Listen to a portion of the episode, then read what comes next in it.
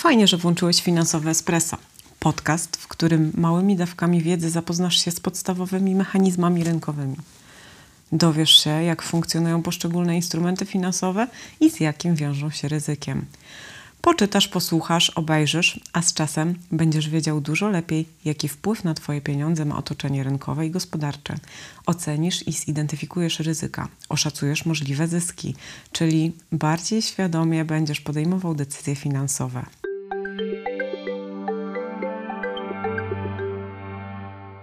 Dywersyfikacja. W Polsce mówimy nie wkładaj wszystkich jaj do jednego koszyka. No i coś w tym jest, bo jak się potkniesz, to rozbijesz wszystkie naraz. I to jest prawda. Pomyślałam sobie, że opowiem dziś trochę o budowie portfela inwestycyjnego, ponieważ to temat, który najczęściej poruszany jest jako pierwszy podczas konsultacji w finansowym espresso. Rzeczy, które mogą się zdarzyć, jest znacznie więcej niż tych, które tak naprawdę się zdarzą. No i to jest właśnie istota ryzyka. Nie wiemy, co się zdarzy, musimy dywersyfikować nasze aktywa, żeby zwiększyć ich bezpieczeństwo. Niezależnie od momentu cyklu gospodarczego czy ilości pieniędzy, jakimi dysponujemy do ułożenia tego swojego portfela, musimy pamiętać o jego dywersyfikacji. To nic innego jak podział inwestowanych pieniędzy pomiędzy różnymi klasami aktywów w celu ograniczenia ryzyka. Innymi słowami, potrzebne jest posiadanie kilku produktów inwestycyjnych opartych o różne instrumenty finansowe, aby mieć szansę na osiąganie zysków w każdej sytuacji rynkowej, no i żeby uniknąć dużych strat na całym portfelu podczas złej koniunktury. Proste? No pewnie. Jakie to klasy aktywów powinny znaleźć się u każdego, nawet początkującego inwestora? W podziale na część bardziej bezpieczną i bardziej dochodową to z jednej strony lokaty, fundusze pieniężne i obligacje Skarbu Państwa, z drugiej obligacje korporacyjne, twarde inwestycje, czyli waluty i złoto, akcje krajowe, akcje zagraniczne. Taka tradycyjna stara szkoła mówi o w uproszczeniu, o podziale po 20% kapitału pomiędzy każdą klasę aktywów, ale to wszystko zależy oczywiście od naszych preferencji, takich jak choćby czas inwestycji czy nasze podejście do ryzyka. Decyzje do każdego rodzaju inwestycji powinniśmy podejmować w pełni świadomie i dobrze znać produkt, który kupujemy. Weźmy na przykład złoto. E, jest wiele sposobów na to, żeby mieć je w portfelu. Mówi się, że to bezpieczna i pewna inwestycja, nawet w niepewnych czasach. No a pamiętacie Amber Gold? Tam też oferowano inwestycje w złote sztabki. I jak to się skończyło, chyba wszyscy wiemy i pamiętamy. I żeby uniknąć niepotrzebnego ryzyka, należy wybrać zaufaną instytucję jako dostawcę tego produktu inwestycyjnego. Jak to ocenić? Nadzór nad wszystkimi instytucjami pełni Komisja Nadzoru Finansowego i taki podmiot musi mieć jej zezwolenie na działanie w Polsce. Warto też sprawdzić przy okazji listę ostrzeżeń KNF, jeżeli nie mamy pewności co do dystrybutora czy firmy dostarczającej produkt. Prościej można kupić złoto przez Narodowy Bank Polski, czy zamówić w Mennicy Polskiej. No, mają tam sztabki, monety. Można też zdecydować się na certyfikat albo kontrakt terminowy przez rachunek maklerski, albo fundusz inwestycyjny, który inwestuje właśnie w złoto. Wybierając e, taki sposób inwestycji, mamy pewność, że kupujemy produkt inwestycyjny od zaufanego dostawcy. Niezależnie od tego, czy masz do inwestycji 5 czy 500 tysięcy złotych, możesz ułożyć sobie zrównoważoną strategię, bezpieczny portfel inwestycyjny oparty na wszystkich tych klasach aktywów, o których wspomniałam. Trzeba tylko wiedzieć, jakie instrumenty do tego wykorzystać.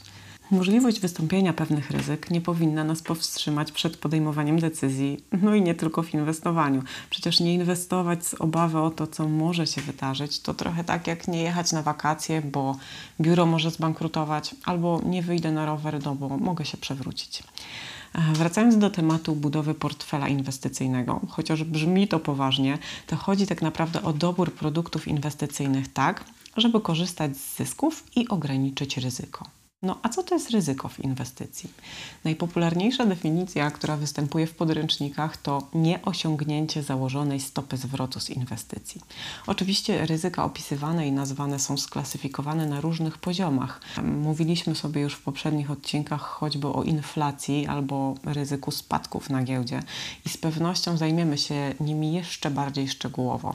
Warto zapamiętać, że różne ryzyka w różnym stopniu wpływają na instrumenty finansowe. Zwykle jest tak, że kiedy tracimy na jednych, zarabiamy na drugich, i to kolejny argument do tego, żeby mądrze alokować aktywa i nie stawiać wszystkiego na jeden produkt. Potocznie za najbardziej ryzykowną klasę aktywów uważane są akcje. Mm, to przez ich obserwowaną dużą zmienność. Jak to działa? Tak najprościej. Kupujesz sobie akcje, na przykład Orlen. W trakcie inwestycji obserwujesz zmianę wycen, bo przecież spółka notowana jest na giełdzie i wyceniana codziennie w trybie ciągłym, więc nawet w trakcie jednego dnia czy jednej godziny akcja może być warta na przykład 61 zł, a za chwilę 56 zł. A ty widzisz na rachunku maklerskim, że masz 610 zł rano, a po południu już 560, bo kupiłeś sobie na przykład 10 akcji Orlenu.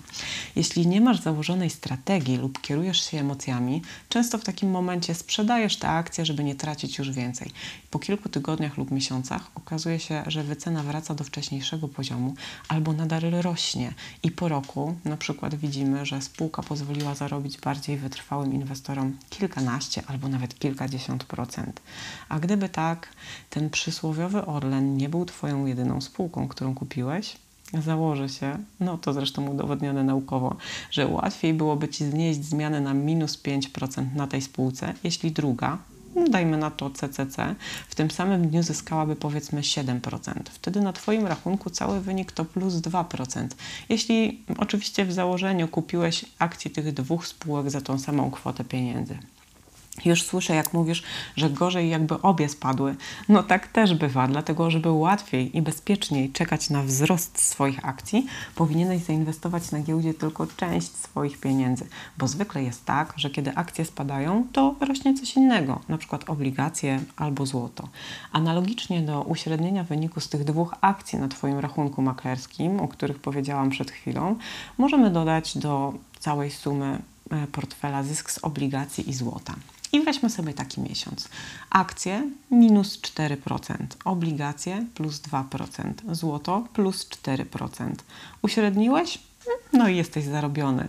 Czyli wpłacając swoje pieniądze w trzech równych częściach do różnych klas aktywów, uśredniasz zysk z każdej tej klasy aktywów. Dzięki temu, podsumowując na całym portfelu, masz szansę na e, fajny wynik.